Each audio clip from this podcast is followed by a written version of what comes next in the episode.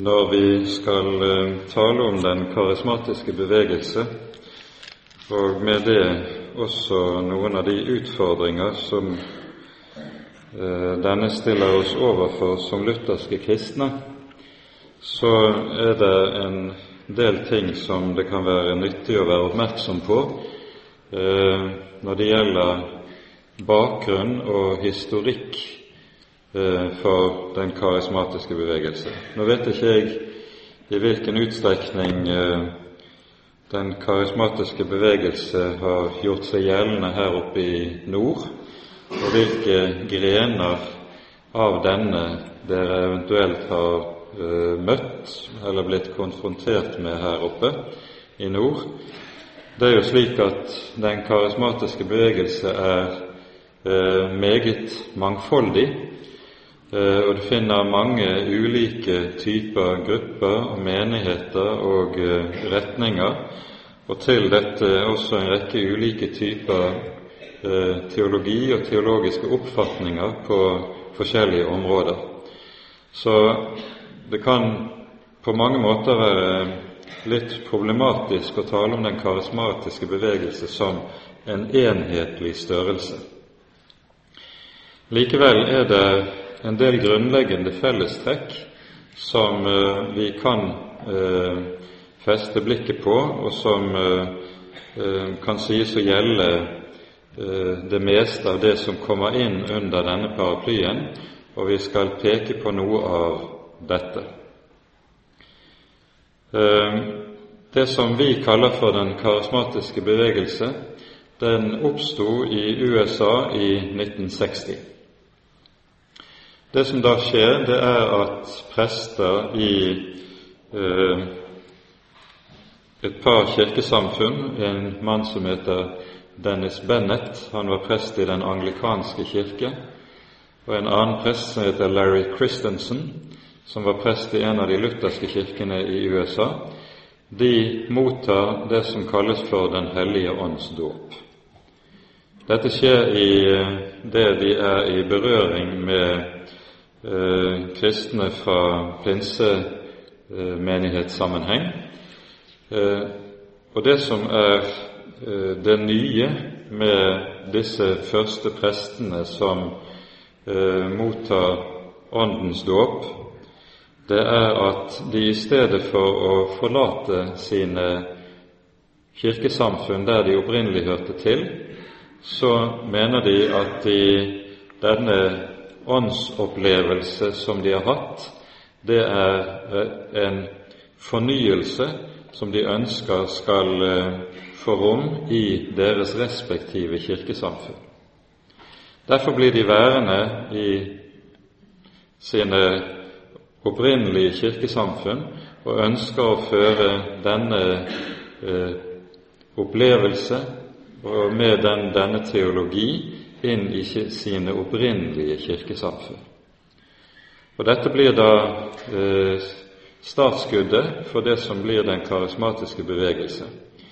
Det er altså tale om en eh, opplevelse av Den hellige ånd som frem til da har kjennetegnet pinsebevegelsen og vært den spesielle karakteristikum, men som nå eh, brer seg ut og får innpass i det ene etter det andre av de gamle, historiske kirker. Og så eh, har denne da kommet til å gjøre seg gjeldende. Eh, til Norge kom eh, denne bevegelsen på slutten av 60-tallet.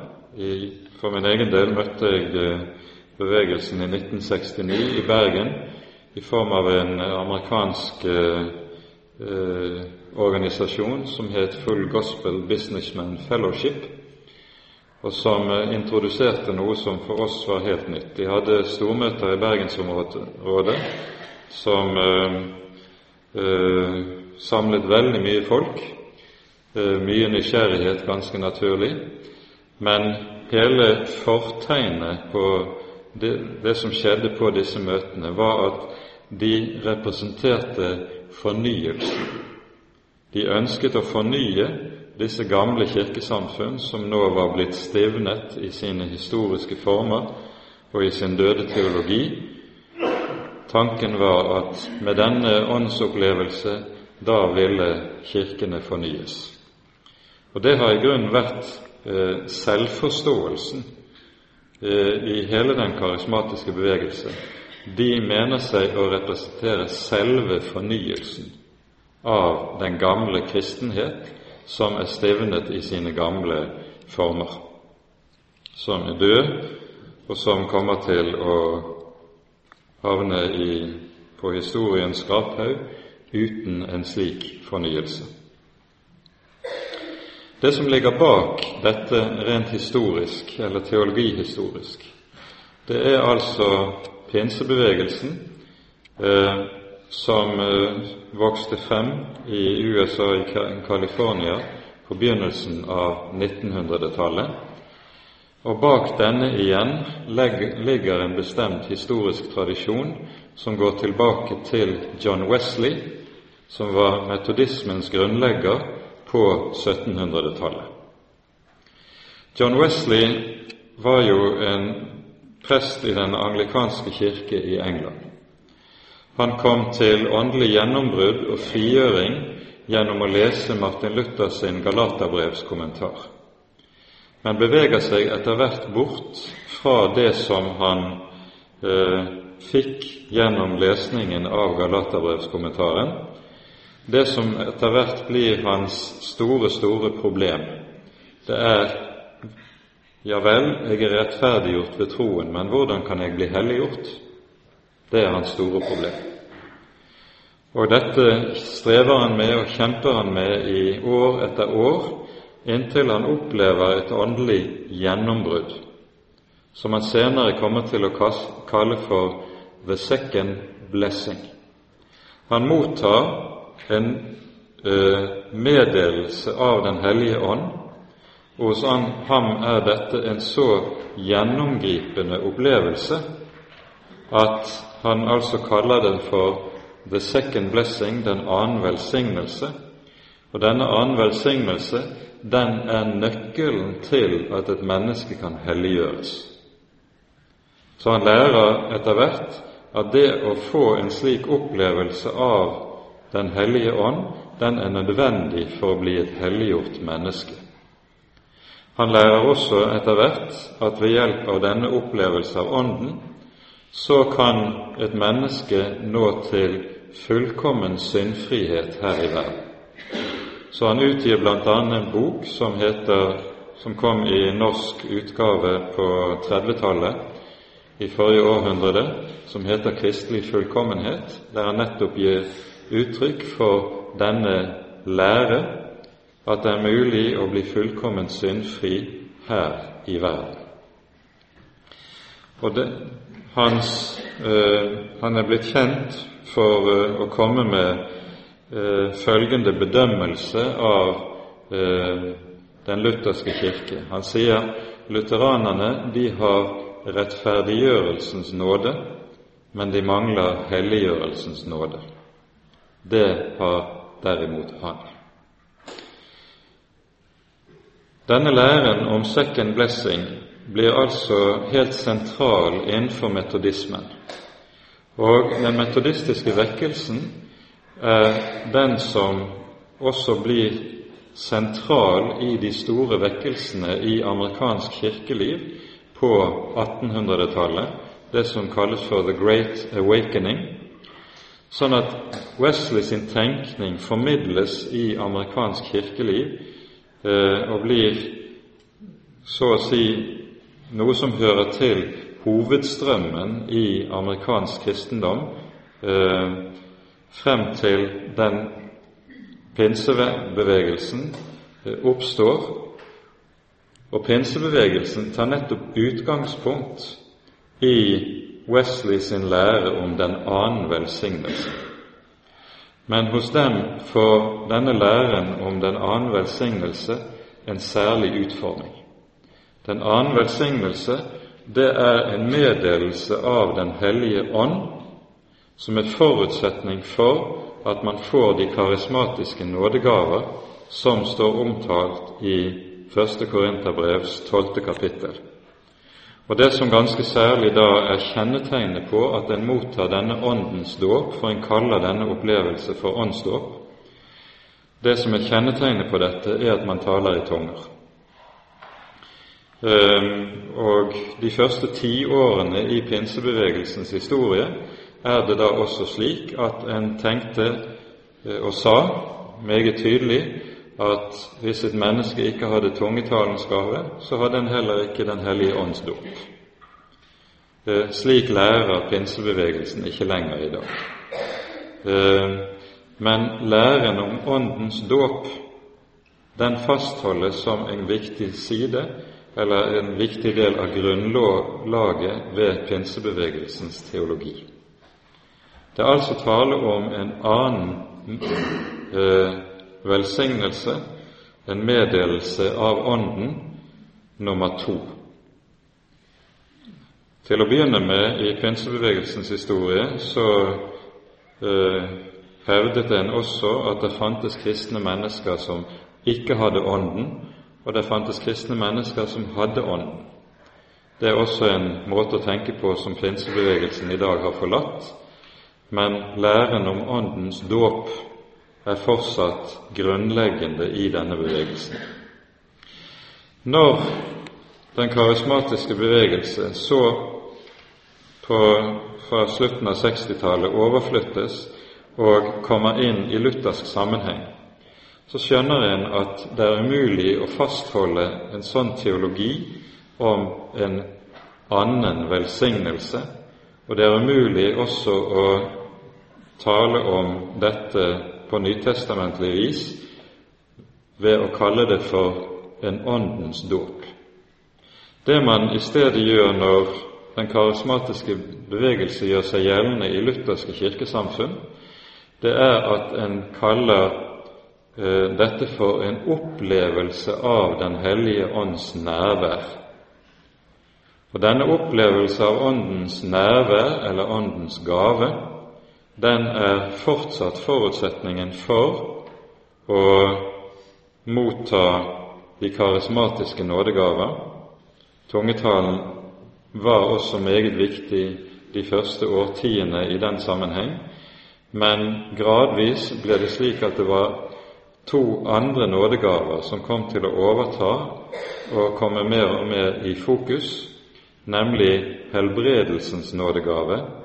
Det ble en veldig opptatthet med helbredelse eh, fra ulike typer sykdom, og i eh, de mest ytterliggående retningene innenfor karismatikken kom en også til å lære at eh, hvis et menneske ikke ble helbredet, så vitnet dette om manglende tro hos vedkommende. Dette var, har ikke vært en uvanlig foreteelse at en kan høre i de mer ytterliggående utgavene. Men innenfor den retning av karismatikken som har gjort seg gjeldende i luthersk sammenheng, har man sjelden kunnet høre den slags. Den annen nådegave som har stadig tatt uh, større grad av fokus, det er det som kalles for den profetiske nådegave. Og Den forstås innenfor uh, hovedstrømmen av uh, den karismatiske bevegelse som det at mennesker mottar ord direkte fra Gud, som åpenbarer f.eks. For ulike forhold i menneskers liv som ellers ville være skjult. F.eks. Eh, er det ikke uvanlig at du kan høre om predikanter som kan stå på talerstolen og si 'Jeg vet at det her i forsamlingen er et menneske som har den og den lidelsen'. Eh, Gud har gitt meg en meddelelse om at om du kommer frem her og blir bedt for, så skal du bli frisk. Så får en slik dette som man kaller profetiske budskap eller åpenbaringer eh, av denne art. Det kalles også i noen sammenhenger for kunnskapsord eller kunnskapstale. Eh, denne måten å tale om eh, den profetiske nådegave har i de senere år, og det har man sett innenfor oasebevegelsen her til lands, det er jo en bevegelse som har gjort seg gjeldende innenfor Den norske kirke. Og eh, innenfor f.eks. en sånn menighet som Imi-kirken i Stavanger, som hører til eh, Nordmisjon, eh, der har en hatt en veldig opptatthet av denne typen profetisk tale som vi her eh, er inne på. For eh, noen år tilbake eh, var undertegnede og prekte en plass på Østlandet hvor man hadde hatt besøk av en eh, leder fra en av disse sammenhengene som hadde hatt kurs i profetisk tale. Og Dette kurset handlet da om at de som var der, de først fikk en viss undervisning om dette, hvorpå man skulle prøve det ut i praksis, det en hadde lært. Og Det foregikk da på den vis, det vis at de deltakerne satte seg i ring. De skulle lukke sine øyne, og så fikk de høre av eh, kurslederen følgende, og dette er direkte sitat Det som først faller deg inn, det er et ord fra Gud. Enten du ser en gul sykkel for ditt indre øye eller en grønn agurk, så er dette et budskap fra Gud til deg. Og Dette kaller man altså profetisk tale. Vi skjønner at den slags er det reneste sludder, og det er meget, meget langt fra det som Bibelen kaller profetisk tale. Eh, det som dette i stedet eh, vitner om og hører sammen med, det er det som Martin Luther under reformasjonen kaller for svermeriet. Og Med stikkordet svermeri så er vi inne på noe av det som er eh, et av de sentrale stikkord som peker på det problematiske som vi står overfor med den karismatiske bevegelse. Hva er det Luther mener når han bruker ordet svermeri? Han eh, gir klart uttrykk for dette i eh, den lutherske bekjennelsen som heter De smalkaldiske artikler, som skrives i 1537, og som vi finner i Konkordieboken. Den er jo ikke en bekjennelsesskrift som er bekjennelse for Kirken i Danmark-Norge, men for de aller fleste lutherske kirker i verden ellers hører dette med til bekjennelsen. Og Det Luther skriver her, det dreier seg om følgende Det som kjennetegner Den hellige ånd, er at Ånden alltid er bundet til Ordet. Og Da er det tale om det ytre lydlige, forkynte Guds ord. Ånden er bundet til Ordet. Og Ånden kommer aldri til oss og gis oss aldri uavhengig av det ytre, lydelige, forkynte ord i evangeliet. Det er jo dette vi lærer meget tydelig f.eks. i Galaterbrevet der Paulus i det tredje kapittelet i Galaterbrevet stiller følgende spørsmål til menigheten der. Bare dette vil jeg få vite av dere. Var det ved lovgjerninger dere fikk Ånden, eller var det ved troens forkynnelse? Han gjentar spørsmålet tre vers nedenfor på ny. Han sier med andre ord her at galaterne mottar Den hellige ånd ved å høre evangeliet forkynt. Ånden er bundet til Ordet. Og I Det nye testamentet har vi jo eh, et veldig tydelig eksempel på akkurat dette. I apostelgjerningenes tiende kapittel hører vi om hvorledes Peter eh, er invitert til å forkynne evangeliet i Kornelius sitt hus.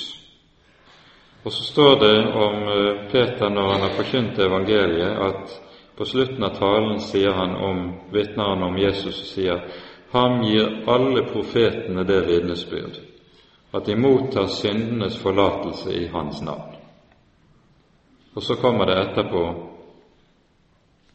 som et gjensvar på forkynnelsen. Da falt Den hellige ånd på alle dem som hørte ordet. Altså, når ordet lyder, kommer Ånden og gjør sin gjerning til tro i menneskenes hjerter. Og Dette er helt grunnleggende i Det nye testamentet. Ånden er bundet til ordet i evangeliet. Det som kjennetegner svermeriet, er at man skiller disse to. Ånden skilles fra det ytre ord på en sånn måte at man tenker seg at det er mulig å motta Ånden uavhengig av det forkynte ord. Da kan en motta Ånden gjennom, og det er jo det vanlige innenfor den karismatiske bevegelse, at det er en eller annen leder som er særlig åndsbegavet, som legger hånden på andre, og så mottar de Ånden gjennom vedkommendes forbønn, og denne åndsmeddelelse er da en sterk opplevelse av å fylles av noe nytt. Noen forteller at denne opplevelse består i å Det er som om det går en vannstrøm gjennom legemet. Andre kan fortelle om at de fylles av latter. Ja, vi har jo hatt denne såkalte latterbevegelsen, som har, eller Toronto-bevegelsen, som har gjort seg gjeldende, der folk ligger på gulvet en time og hyler av latter på et kristent møte. Det skal liksom være et særlig vitnesbyrd om Den hellige ånds nærvær. Med Luthers måte å tenke på, som jo er Det nye testamentets måte å tenke på, så er dette intet annet enn svermeri. Og Når Luther skriver om dette i de smalkaldiske artikler, så sier han for det første svermeriet ligger i den gamle Adam fra syndefallet av. For djevelen vil oss, ha oss til å tro at det er mulig å få kontakt med Gud, få kontakt med Ånden, uten Ordet. Og det som da vil skje, der en tenker seg å få en ånd uavhengig av Ordet, det er at da åpnes det opp for alle hånde slags galskaper.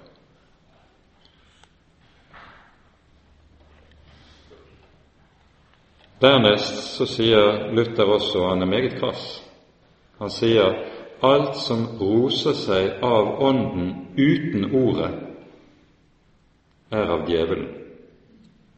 Dette står ende frem og like ut i de sjmakaldiske artikler sin tredje del, der Luther tar opp dette.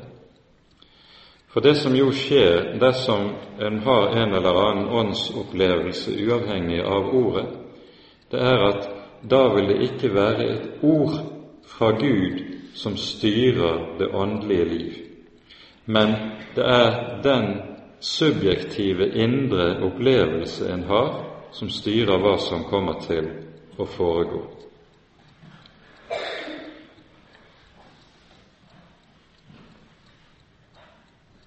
Når Ånden på denne måten skilles fra Ordet, da står en dermed også i fare for å komme ut i den største vilkårlighet.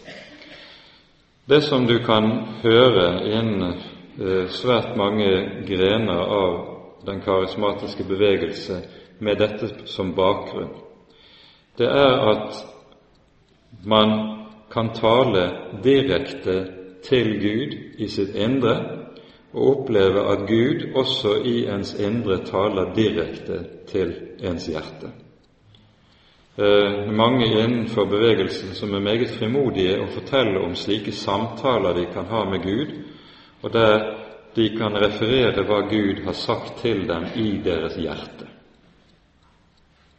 Det er ikke mer enn et par måneder siden en av våre unge i menigheten hos oss i Bergen kunne referere en samtale som vedkommende hadde hatt med en karismatisk ungdom som gikk i en slik menighet, som hadde sagt følgende til ham Hva skal jeg med en bibel når jeg kan høre Guds røst direkte i mitt eget hjerte? Det er ganske frimodig å si noe slikt. Så vedkommende brydde seg ikke med å lese stort i Bibelen lenger, fordi han hørte jo Guds røst direkte tale til seg i sitt eget hjerte. Dette er svermeriet. En annen ungdom som uh, vitnet i avisen Dagen i våres, uh, forteller også meget tydelig at han har uh, store problemer med å oppleve Guds nærvær når han hører på forkynnelsen av Guds ord. I stedet er det slik at han opplever Guds nærvær når han lovsynger. For lovsangen i karismatisk sammenheng har fått en helt sentral betydning innenfor den karismatiske bevegelses øh, åndelige uttrykk. Det er ganske typisk for innenfor karismatiske menigheter at kommer du dit, så vil det normalt være en halv time til tre kvarter med det som kalles for lovsang, før talen kommer. Og Det en kaller for lovsang, det er en bestemt måte å synge på eh, som appellerer i veldig sterk grad til menneskers følelsesliv. Eh, det er kanskje ikke tiden her eller stedet her til å gå mye inn på dette, men tankegangen er jo den at ved å lovsynge Gud, så drar en Guds nærvær ned til seg. Det er skrevet det er på amerikansk mark eh, flere eh, skribenter som så å si har gitt oss en lovsangsideologi i bøker som dreier seg om dette.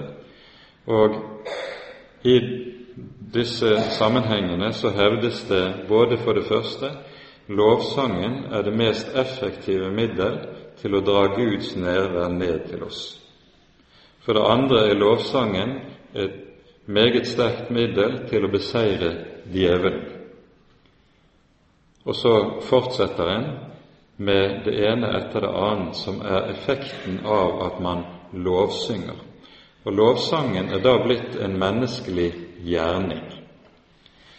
Etter tre kvarter med lovsang så kan en da gjerne ha en tale. Talen behøver slett ikke å være tre kvarter, den kan være relativt kort i sammenligning, før møtet på ny fortsetter med tilsvarende lovsang. Det vi har sagt om denne meddelelse av Ånden, som er så grunnleggende i karismatisk sammenheng, den har det med seg at det dreier seg først og fremst å ha en opplevelse av Ånden, av Åndens nærvær. Det er med andre ord slik at denne opplevelse av Åndens nærvær, det er den, denne opplevelsen som blir nøkkelen både til å få de karismatiske gaver og også det er ikke uvanlig i svært mange sammenhenger at en hevder at dette også er nøkkelen til å få et helliggjort eller et seirende kristenliv.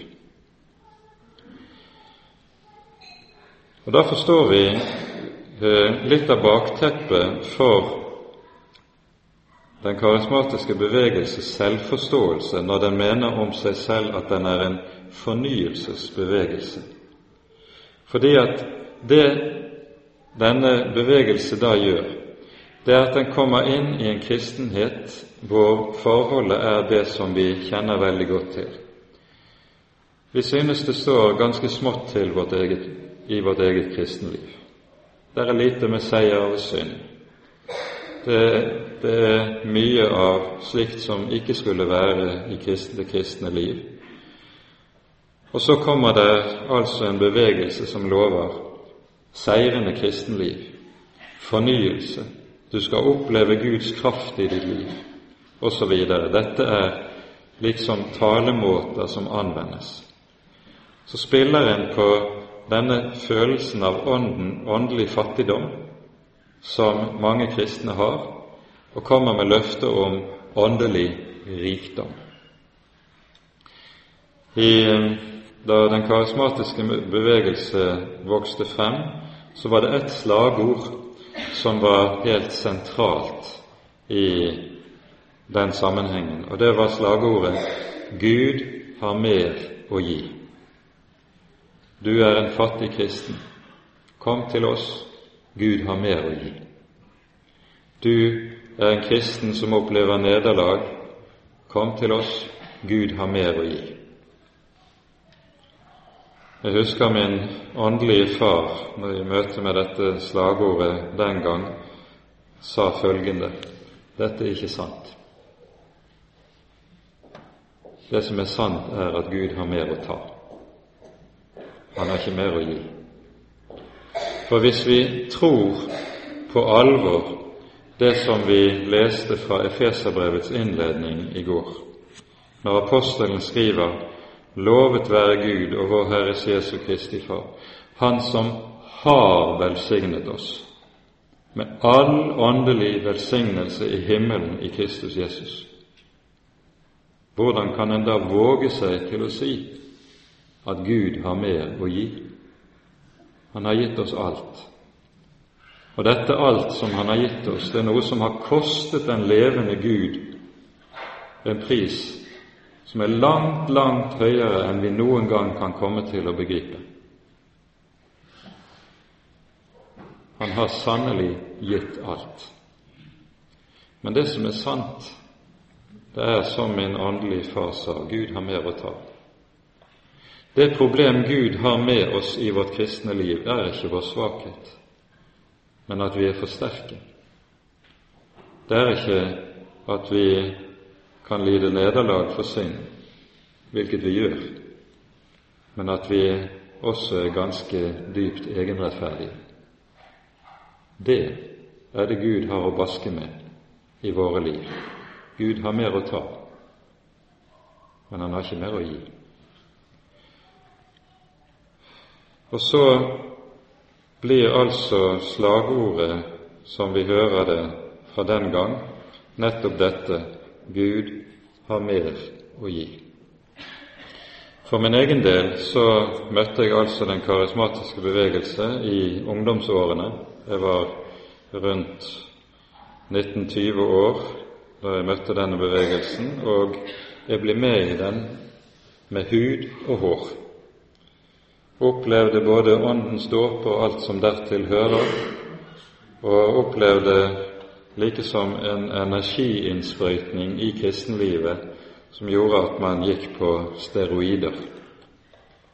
Men det var å gå på steroider i to år inntil vi møtte veggen. Eh, og Det var jo også min erfaring i, i dette like som det er veldig manges erfaring som har vært inne i denne bevegelsen. Man har en opplevelse til å begynne med som kanskje kan være ganske genuin, men opplevelsen fører før eller siden til at en møter veggen. Og Hadde ikke jeg den gang vært så heldig å møte en forkynner som kunne vise meg evangeliet, så hadde ikke jeg vært et troende menneske i dag, tror jeg. For det var evangeliet som reddet meg. Det som jo er kjernen i det som vi ser i den karismatiske bevegelse, det er at en søker å flytte det som er det vesentlige i kristenlivet, inn i menneskets hjerte. Det dreier seg om å oppleve Gud i sitt eget hjerte. Det kaller en fornyelse.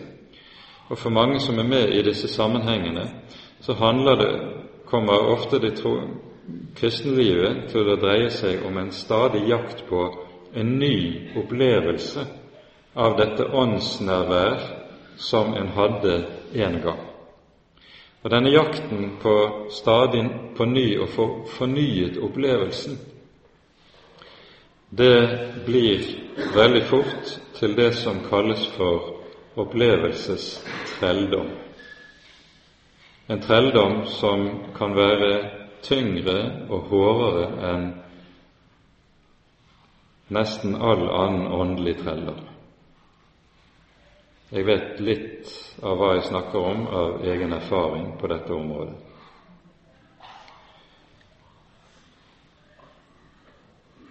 Noe av det som jeg tror er nøden i meget av det vi står overfor i den karismatiske bevegelse, kan samles rundt det vi finner bibelordet som Jesus innleder eh, bergpreken med.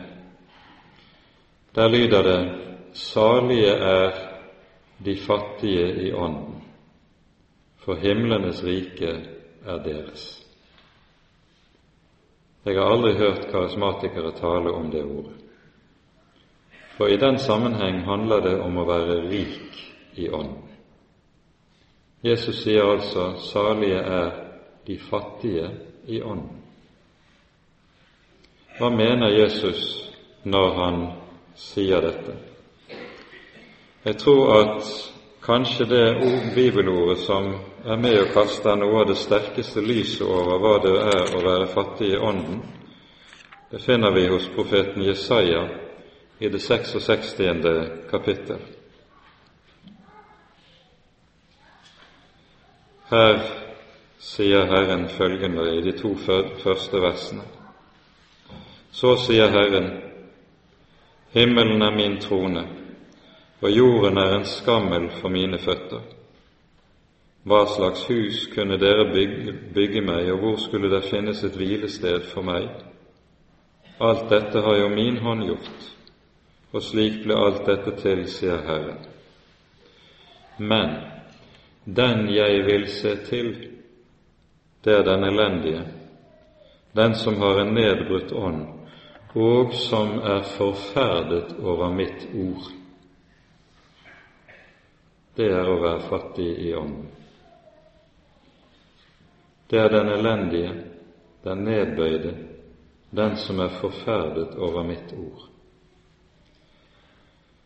Å være forferdet over Herrens ord, det er det som skjer med et menneske som har møtt Gud, den hellige Gud i loven. I loven åpenbarer Den hellige seg som det lys som avslører all min synd, all min nød, all min skam, og jeg får se hvordan jeg ser ut i Guds øyne. Og det er og blir reaksjonen uvegerlig å bli forferdet. Da blir et menneskes, et menneskes største nød meg selv. Salige er de fattige i ånden, sier Jesus, for himlenes rike er deres. Det Jesus sier med dette ordet, er at han gir oss nettopp den dobbelthet som et kristent menneske alltid har å leve i. Han sier ikke 'salig er de fattige i ånden, for himlenes rike skal bli deres' som om det var noe fremtidig. Nei, han sier himlenes rike er deres. Altså, ikke den, himlenes rike blir ikke deres den dagen de slutter å være fattige i ånden. Men himlenes rike er deres mens de er fattige i ånden. Dette er den dobbeltheten som et kristent menneske alltid lever i. Både den, dette at han har en opplevelse av seg selv som fattig, og samtidig forkynner Guds ord ham i Kristus eier du hele himmelens rike. I Kristus er du rik. Ikke på den måten at du kan se og føle og oppleve det, men du eier det i Kristus selv om du ikke føler det aller ringeste for hva er tro. Tro er overbevisning om ting som ikke sees.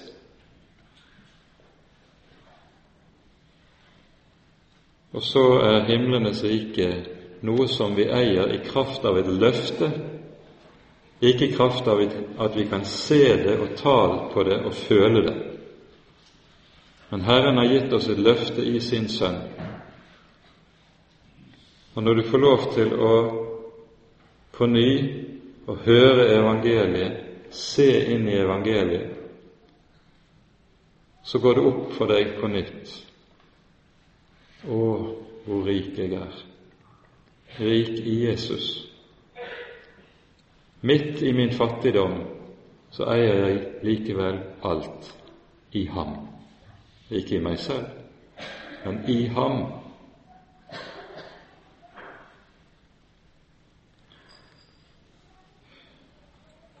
Med det ordet vi har lest fra profeten Jesaja, så settes det også fokus på det som er så å si den grunnleggende problemstilling som er hovedproblemstillingen som en kristen alltid står oppe i. Det dreier seg om synd og nåde. Et menneske som er fortapt i møte med den hellige Gud, og så kommer den hellige Gud til meg og rekker syndenes forlatelse. Det er dette som er hovedproblemstillingen og spenningsfeltet som et kristent menneske lever i. Innenfor hoveddelen av den karismatiske bevegelse er det ikke dette som er hovedproblemet. Der er problemet i stedet kraftløshet, motsatt det løftet som gis om at du skal få kraft. Nederlag motsatt et løfte om å bli en seirende kristen, en som får det til. Men denne forestillingen om at og tilbudet som kommer om å kunne etablere et kristenliv der du får til å leve som kristen, det er åndelig livsfarlig. For den dagen jeg får til å leve som kristen, da er jeg blitt en fariseer.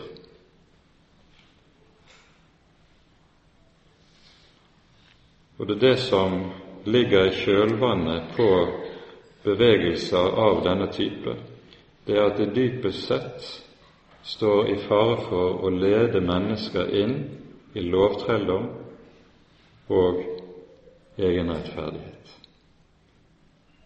når jeg får til å være en kristen, når jeg kan vitne om at jeg har et seirende kristenliv, da er jeg blitt en fariseer. Min åndelige far, som jeg har nevnt tidligere den gang, han eh, sto, over, sto eh, midt oppe i en møteserie ved en anledning i en kirke i Bergen som hadde fått følgende overskrift Er det normalt å mislykkes som kristen? Det er jo en pussig overskrift å ha på en serie med bibeltimer. Men på bakgrunn av innledningsordene til bergprekenen så skjønner vi også hva det var han talte om i denne sammenheng. Salige er de fattige i ånden. Det underlige nemlig med dette ordet, det er jo at Jesus kaller den salige, som alle andre sier 'stakkars dem' om. Jesus bedømmer ting så helt annerledes enn det vi gjør. Salige er de som sørger. Salige er de som hungrer og tørster. Salig er de som er forfulgt for rettferdighets skyld. Alle andre sier 'stakkars den', men Jesus sier 'salige er'.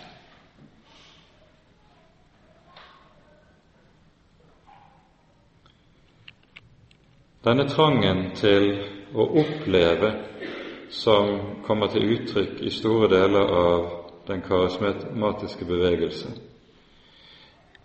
Jeg tror det er lov til å si at den henger også sammen med et bestemt trekk som gjør seg gjeldende i hele vår kultur. Et vesentlig kjennetegn, nemlig ved hele den vestlige kultur, det er kjedsomheten.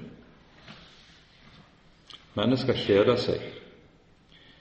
Når man har mye fritid, så er utgangen på det alltid kjedsomhet. Og Derfor er det også slik at den vestlige kultur er mer og mer preget av trangen til og behovet for underholdning, for å jage kjedsomheten på flukt.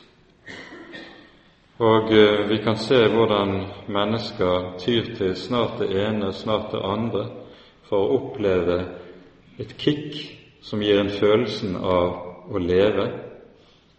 Her vibrerer det 'nå lever jeg'. Noen driver med basehopping for å få et sånt kick. Andre gjør ditt og datt eller vi sitter foran skjerm, skjermene og lar oss underholde, for vi må slå i hjel kjedsomheten. Denne trangen til å oppleve som eh, vi finner i store deler av karismatikken, jeg tror det er speilbildet av dette behovet for å komme unna kjedsomheten.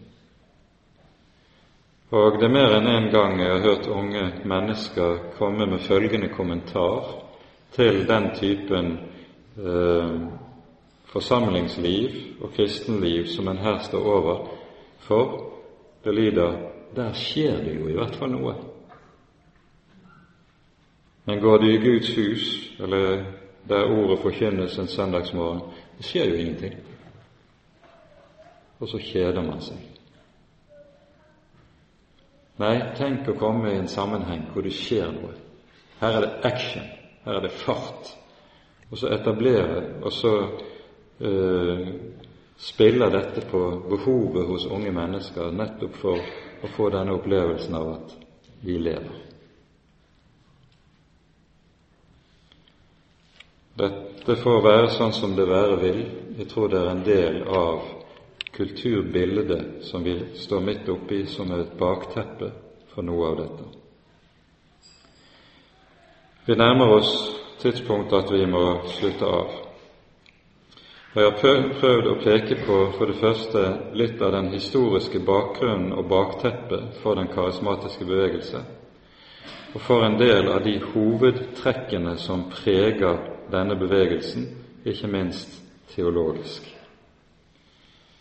Det som er noe av en grunnleggende sak for oss som lutherske kristne, det er at når vi taler om Den hellige ånd, så er vi oss bevisst at Ånden er bundet til nådens midler.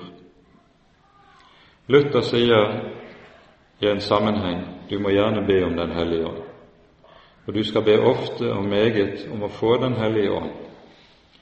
Men når du har bedt om å få Ånden, så skal du ikke sette deg i en krok og vente at Han skal komme og falle ned i hodet på deg gjennom løse luften.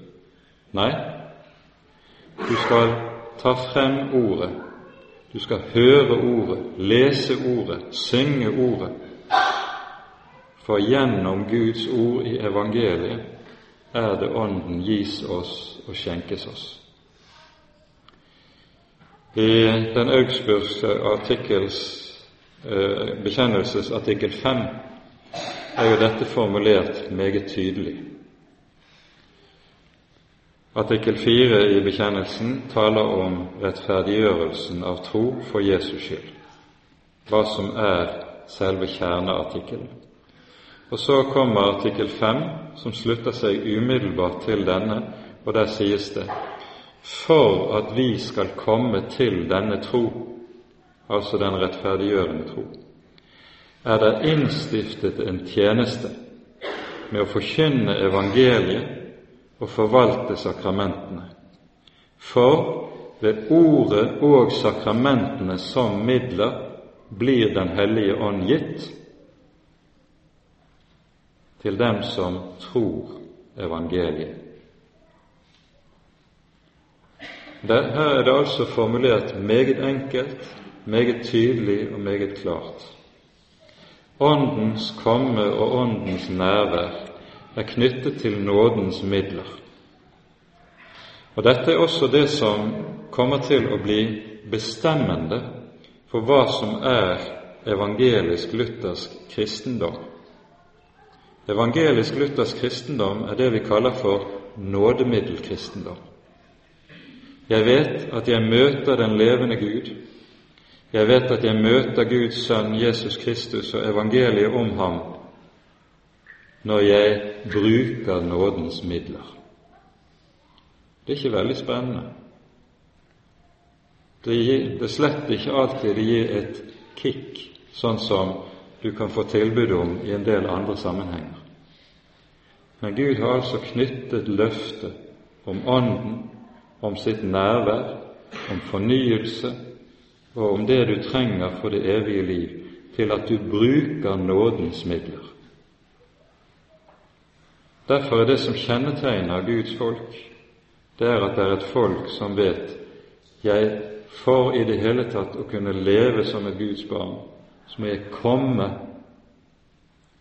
der hvor evangeliet er å få forhørt. Komme der hvor jeg kan bli rakt Herrens legeme og blod i den hellige nattverd.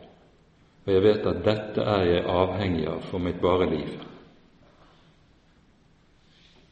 Det er meget enkelt, og det er ikke veldig spennende. Men det er jo slik at Gud har knyttet sine løfter til det som i menneskers øyne kan se meget smått og meget ubetydelig ut. Han har likesom gjemt de største gaver i noe som ser utrolig puslete ut.